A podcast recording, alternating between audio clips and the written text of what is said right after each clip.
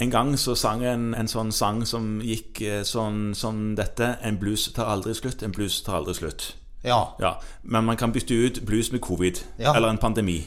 Nei, ja, det virker jo litt sånn nå. Ja, Det virker sånn fordi man kommer aldri helt i mål. Iallfall ikke i innspillende stund, som er tampen av 2021. Så er man inne i en ny runde med kanskje nye nasjonale tiltak. Og grunnen til at jeg nevner dette, det er jo fordi at man aldri blir kvitt spørsmålene som kommer fra folk som er engstelige for vaksineringen av ulike årsaker. F.eks. de gravide som tenker på foster i magen.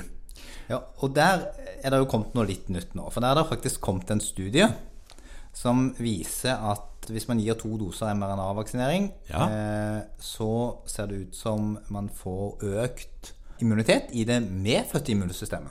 Hos barnet Ja. som blir født Ja. av de vaksinerte gravide. Ja. Ja. Sånn at det tenker man er en cellulær effekt. At man på en måte preger immuncellene til å huske. Og det, det er jo ikke en kjempestor studie. altså Sånne studier blir aldri store. Men allikevel så viste den andre dosen en markant økning av immunresponsen. Og dette gjaldt på en måte flere av de cellulære immunforsvarsmekanismene.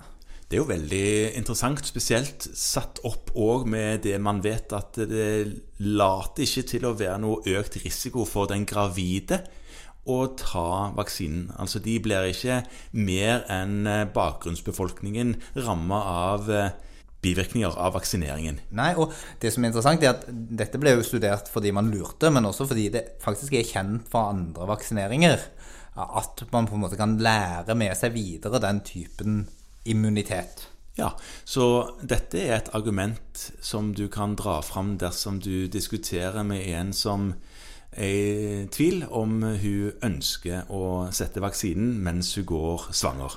Ja, Ja. nå er jo vi alltid for vaksinering. Jo da, men noen har jo bestemt seg for å ikke vaksinere, og da ja, Der får folk bestemme sjøl om de tenker at de skal eh, gå ut og misjonere vaksinebudskapet, eller om de skal la den kampen ligge. Det blir opp til hver enkelt. Men det kan jo være et tilleggsargument at man ikke bare beskytter seg selv, men at man også bare bidrar til å beskytte barnet eh, mot covid. Så rett og slett gjør noe gunstig for det barnet man vil gjøre alt det gode for.